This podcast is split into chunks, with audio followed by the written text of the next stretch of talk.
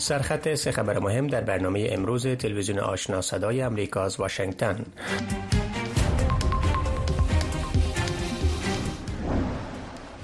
وزارت دفاع حکومت طالبان از قبل لوید رسیز قوای مسلح حکومت این گروه در اعلامیه نوشته است که اظهارات اخیر جنرال آسم منیر لوید رسیز پاکستان بیانگر بیکفایتی مقامات پاکستانی است و شهروندان آن کشور باید به چنین دیدگاه های به گفته او مغرضانه واکنش نشان دهند ایالات متحده، استرالیا، کانادا و شش کشور اروپایی کمک های مالی خود به دفتر ملل متحد برای مهاجرین فلسطینی را به دلیل ادعاهای مبنی بر دست داشتن برخی از کارکنان این نهاد در حملات هفتم اکتبر بر اسرائیل متوقف کردند.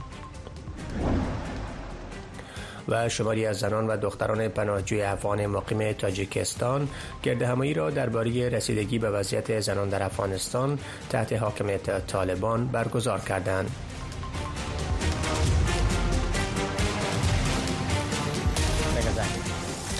سلام بینندگان گرامی. به برنامه امروز خوش آمدین. امروز یک شنبه 28 ماه جنوری سال 2024 میلادی است. برنامه امروز به طور مستقیم از طریق وبسایت تلویزیون آشنای صدای آمریکا نشر می شود. در برنامه امروز خبرهای افغانستان جهان است. من محمد احمدی هستم. محمد فسیح الدین فطرت لوی قوای مسلح حکومت طالبان در واکنش به اظهارات اخیر جنرال آسم منیر لوی پاکستان گفته است که این گونه اظهارات نه تنها مشکل افغانستان را یا مشکل دو کشور را حل نمی کند بلکه روابط میان دو کشور را آسیب می رساند. وزارت دفاع حکومت طالبان ناوقت شنبه با نشر خبرنامه ای از قول فطرت گفت که اظهارات جنرال آسم منیر لویدرسیز اردوی پاکستان بیانگر بیکفایتی مقامات پاکستانی است و شهروندان کشور باید به چنین دیدگاه های به گفته او مغرضانه واکنششان دهند.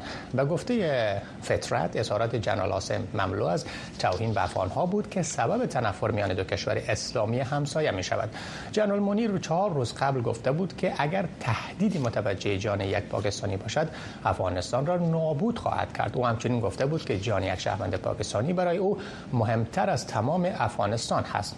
بر بنیاد گزارش رسانه های پاکستانی او همچنین در سخنانش گفته که کشور در مرز غربی آن کشور یعنی افغانستان هرگز با پاکستان دوستی نداشته و از مدتها پیش به شورشیان بلوچستان کمک می کند از سوی دیگر نورالله نوری سرپرست وزارت امور سرحدات و سر قبایل حکومت طالبان روز شنبه هنگام سفرش به ولایت ننگرهار گفت که هیچ مرز رسمی میان افغانستان و پاکستان وجود ندارد. نوری افزود که خط دیورند مرز رسمی نه بلکه خط فرضی میان دو کشور هست.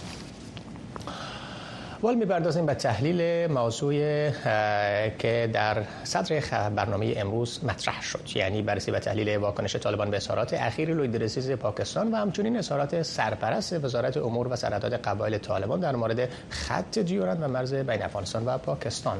این بحث را با آقای احمد سعیدی دیپلمات پیشین افغانستان و تحلیلگر سیاسی صحبت می‌کنیم که از اروپا در برنامه با ما هستند آقای سعیدی سلام. خسته نباشین.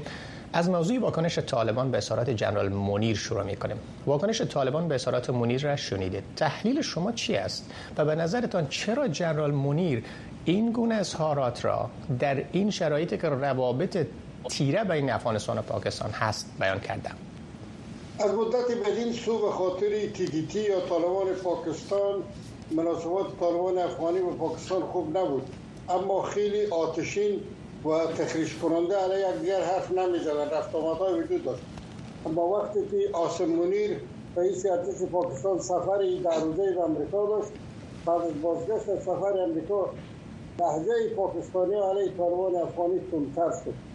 ما شنیدیم مطبوعات خبر داره که گفت که تمام افغان... تمام یک پاکستانی تمام افغانستان خلاص پرواش ندارم و ما را تایید کرد. ولی آسم منیر دو حرف داشت. هم توهین بود و هم تهدید. توهین به معنا بود که گفت که یک پاکستانی برابر به تمام افغانستان نمی کنم یک توهین بود. اما تهدید به این معنا بود که پاکستان یک کشوری است دارای سلاح هستوی و رئیس ارتش پاکستان هم حرف یک کسی است که در پاکستان حرف اول می‌زنه اما بر بگردیم به جواب سوال شما. طالبان افغانستان کوشش کردن که بسیار زیرکانه جواب بدن. زیرکانه به این معنا که از چون لوی درستیج پاکستان رئیس ارتش است خواستم که لوی درستیج افغانستان طاری فسیحدین که لوی درستیج افغانستان او جواب بده و همچنین سرحدات افغانستان مربوط به وزارت قبایل و سرحدات میشه. و او خاطر نورالله نوری را وزیر قبایل روان کردن که تو بگوی که ما خط دیورند به رسمیت نمی‌شناسیم. بله یعنی خواستن جواب بتن که ما خط دیورند را به رسمیت نمی‌شناسیم. و جواب لوی درستیز لوی درستیز داد. یک زیرکانه بود که طالبان عمل کردن خب این اظهارات طالبان یعنی وزیر سرحداتش که گفته ما خط دیورند به رسمیت نمی‌شناسیم مرز رسمی نیست. حاکی از چی هست؟ آیا به قول شما می‌تونه پیامی را به پاکستان برسانه که ما آنچه را که شما میگیم اصلا قبول نداریم و اصلا ورزی وجود نداره و اما اتهاماتی که گویا مقام پاکستانی مطرح کرده کاملا رد می‌کنه نه این یک بازی بسیار زیرکانه است. زیرکانه است که طالبان به درستی طالبان افغانی می‌دانند که اکثریت مردم افغانستان علیه پاکستان یک ضدیت و حساسیت دارند. مخصوصا یک تعداد پشتون ها که خط دیورند را رسمی نمیدارند طالبان از خاطر این حرف به زبان آوردن که تا حمایت و کمک یک تعداد مردم افغانستان را با خود داشته باشند. یعنی بگویند که طالبان هم خط دیورند به رسمیت نمی‌شناسند. طالبان هم به ضد پاکستان هستند. بنابراین مردم افغانستان از ما حمایت می‌کنه. این بسیار زیرکانه به کار بردن این لفظ خب شما اشاره کردین که مقام پاکستانی لوی در لحن خود بخشی یک نوع تهدید به حکومت افغانستان تحت حاکمیت طالبا داره. آیا پاکستان در شرایط فعلی که از بابت حمایت طالبان افغانستان از طالبان پاکستان می‌کنه و نگران هست. در موقف هست که تهدید بکنه افغانستان را؟ ببینید توهین گفتم که تمام افغانستان برابر به یک پاکستانی نمیگه. که توهین است. تهدید به این پاکستان کشوری که دارای سلاح هستوی است و رئیس ارتش پاکستان کسی است که در پاکستان در قضایای سیاست داخلی و خارجی حرف اول می‌زنه وقتی یک کشوری ضعیف ناتوان این مانند افغانستان رئیس ارتش پاکستان تهدید می‌کنه او هم سلاح هستوی داره. و جو خاطر یک تهدید بسیار جدی است. باید جامعه جهانی یک کشوری که سلاح هستوی داره اکثر عمل و پرسش آخر اگر کوتاه بفرمایید که چرا پاکستان در شرایطی که روابط بین دو طرف بسیار تیره هست این تنش های لفظی را به اصطلاح آغاز کرده یا می‌تونه بگیم این تنش های لفظی را داره. چرا پاکستان اصلا در این موقف قرار گرفته که با طالبانی که اتهام وارد هست ادعا میشه که عضو طرفدار یا حامی اصلیش بوده حالا به مخمسه به نحوی افتیده؟ پاکستان تا دو سال بسیار تلاش کرد که از راه دیپلماسی و تفاهم بتانه طالبان افغانی را قناعت بده که علیه طالبانی و پاکستانی موقف بگیرد. اما چون طالبان پاکستانی 20 سال طالبان افغانی را کمک کردن یک زبان هستند یک دین هستند یک لسان هستند یک قوم هستند یک دستارخان را خوردن طالبان افغانی نمی‌تونن و نمی‌خواهند که علیه طالبان پاکستانی عمل کنند. کدام عمل منفی کنند؟ بنابراین فقط حرفی که برای پاکستان مونده حالا تهدید است که طالبان افغانی را تهدید می‌کنه حرف دیپلماسی به زبانان تاریخ سپرده شده. تشکر از شما آقای احمد سعیدی دیپلمات پیشین افغانستان و همچنین تحلیلگر مسائل سیاسی مقیم اروپا که در بحث امروز تحلیل و دیدگاه خود مطرح کرده. موفق و کامیاب باشید. شهر دوشنبه تاجیکستان اخیرا شاهد گرد همایی بود که در رابطه با وضعیت زنان و دختران افغانستان به خصوص سختگیری های اخیر طالبان برگزار شد. در این گرد همایی زنان و دختران پناهجوی افغان مقیم این کشور بیان داشتند که خشونت طالبان علیه زنان به گفته آنها بیشتر از آنچه می باشد که گزارش شده است. شهر بیشتر در گزارش نورانکیز رستم زاده از شهر دوشنبه تاجیکستان.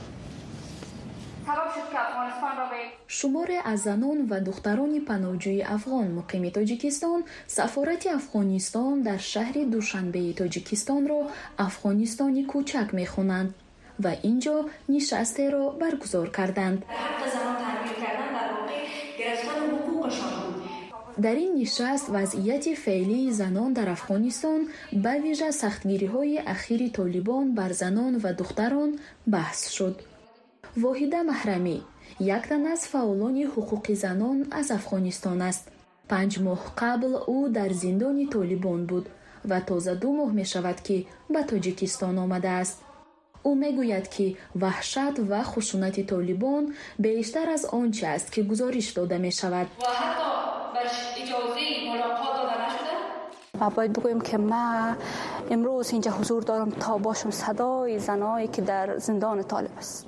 ما باید بگویم بیشتر از هشت زن فعلا در زندان طالب است. یک از آن جمله زنان دخترای معترض هست که به نام منیجه صدیقی که بیشتر از پنج ماه میشه در زندان طالب است و از نه خانوادش تونسته اون رو ملاقات کنه و نه Э, вакиле ки ҳатто барашон гирифта шуда натониста ӯро мулоқот кунад ва зиндони заҷрбору торики толибо пур аз даҳшату ваҳшату шиканҷ аст.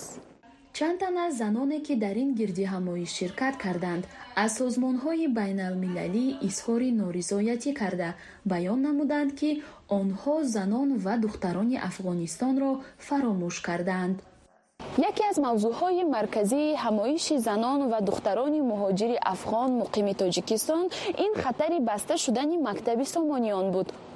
Дар ин мактаб муҳоҷирини афғон муқими тоҷикистон таҳсил мекунанд. Мудирияти ин мактаб аз мушкилоти молӣ шикоят дорад. Дар ҳоле ки бархе аз афғонҳо мегӯянд ин гуна гирдиҳамоиҳо таъсире дар тағйироти вазъияти феълии афғонистон нахоҳанд дошт бархе дигар аз ширкаткунандагони ин нав нишастҳо дар мавриди огоҳидиҳӣ аз вазъияти занони афғонистон муҳим мепиндоранд. اما از نظر شخص خودم وقتی که زنها با وجود این شرایط دشوار اجتماعی صدا بلند می‌کنن با وجود از اینکه حقوقشان زیر پا شده تبعیض جنسیتی نسبت به زینا تحمیل شده بازم صدا بلند می‌کنن. در واقع نشانگر اینمی انگیزه این است که اینا در شرایط سخت در شرایط دشوار می‌خواین حقوق خود به دست بیارن می‌خواین به یک پایگاه برابر حقوقی با مردا برسن. و از نظر من همین جمعیت ها همی برنامه هاست که در واقع اینا را بالاخره صدایشان میرسانه. به گوش جامعه جهانی و به گوش بیرونی ها در مورد خطر бораи баста шудани мактаби сомониён гуфта шуд ки дар сурати пайдо накардани кӯмаки молӣ муҳоҷирин худшон ва кормандони сафорати афғонистон дар тоҷикистон синфҳоро дар дохили сафорат баргузор хоҳанд кард. То ҷавонон ва духтарони хурдсол аз таҳсил боз намонанд. Нурангез рустамзода телевизиони ошно садои амрико шаҳри душанбе тоҷикистон.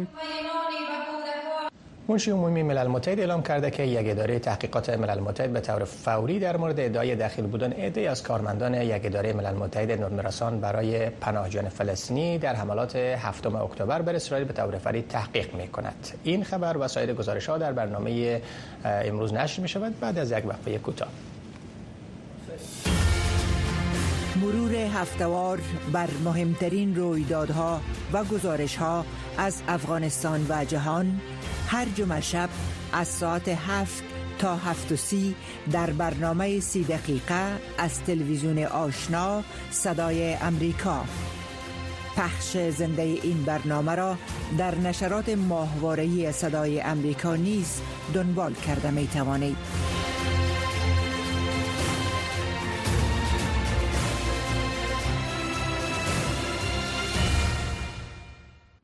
انتونیو گوچرش منشی عمومی ملل متحد در بیانیه امروز گفت که یک تحقیقات توسط دفتر خدمات نظارت داخلی ملل متحد به طور فوری بعد از آن فعال شده است که 12 تن از کارمندان اداره امداد و کار ملل متحد در حملات دهشت افکنی حماس بر اسرائیل به تاریخ 7 اکتبر دخیل بودند.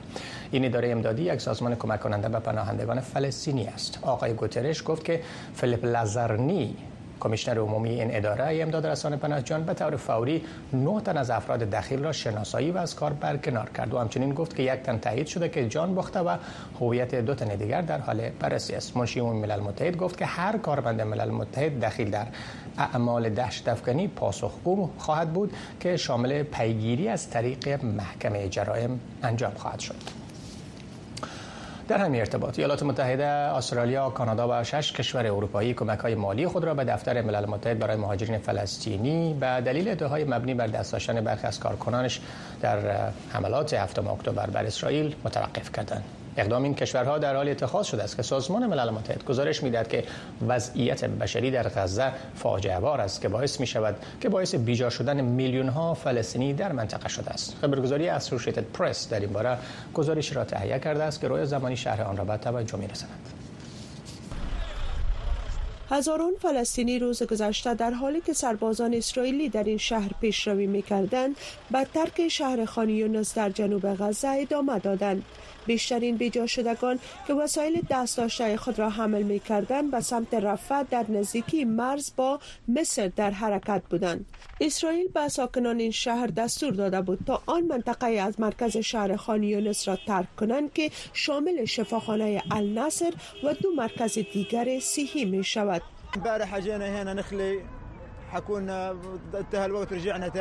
ما فقط با لباسایی که پوشیده بودیم فرار کردیم.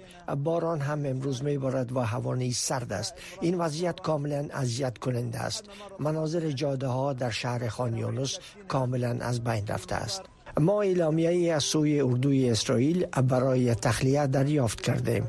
پسرم و من که بیگناه است اجازه داشتیم بیرون برویم اما بعدا آنان پسرم را دستگیر کردند. پسرم هیچ کار نکرد. چرا آنان او را دستگیر کردند؟ آنان به ما می‌گویند کانجا را ترک کنیم تا آنان بتوانند پسران ما را دستگیر کنند. چرا؟ چه کسی مسئولیت این همه را به عهده خواهد گرفت؟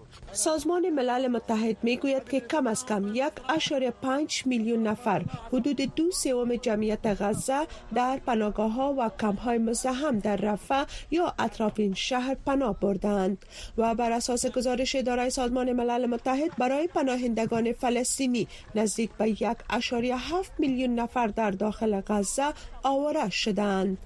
وزارت صحت غزه می‌گوید که حمله هوایی و زمین اسرائیل از هفتم اکتبر به این سو جان 26 هزار نفر را گرفته و این در حال است که 63 هزار مجروح بر جا گذاشته است. این حملات در واکنش به حمله شبه نظامیان حماس صورت گرفت که در آن 1200 اسرائیلی کشته و 250 تن گروگان گرفته شد. از سوی هم ده تن با حمله پرچم های اسرائیل امروز یک شنبه در گذرگاهی که از آنجا لاری های حامل کمک های بشر دوستانه برای نوار غزه از طریق اسرائیل انتقال می یابد دست به مظاهره زدند. برخی از اسرائیلی ها می گویند تا زمانی که گروگان ها در نزد حماس می باشند با انتقال کمک به فلسطینی ها مخالفت می کنند معترضان شعار ملت اسرائیل زندگی می کند را سر داده بودند.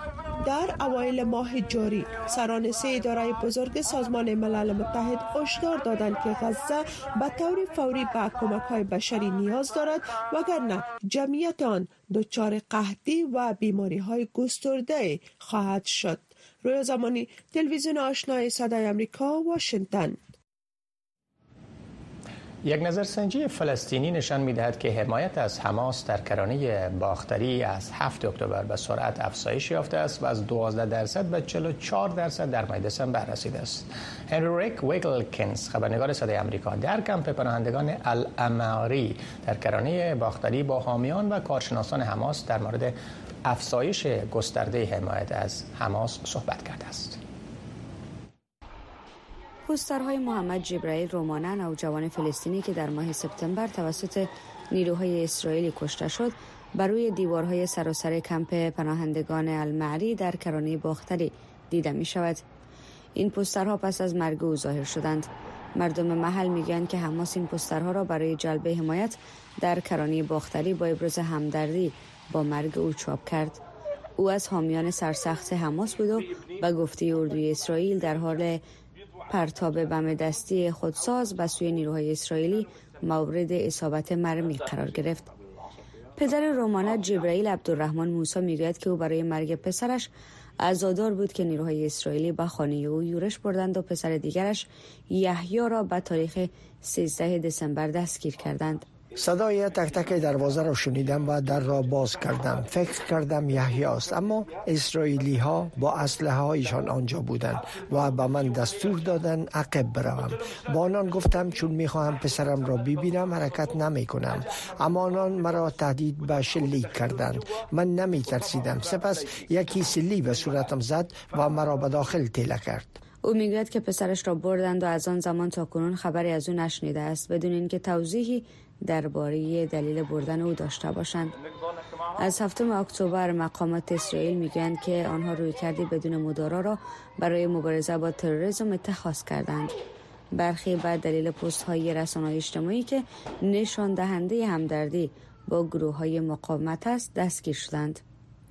ابراز حمایت از گروه های مانند حماس که گروه تروریستی تلقی می شوند می تواند منجر به بازداشت بدون محاکمه برای فلسطینی ها شود.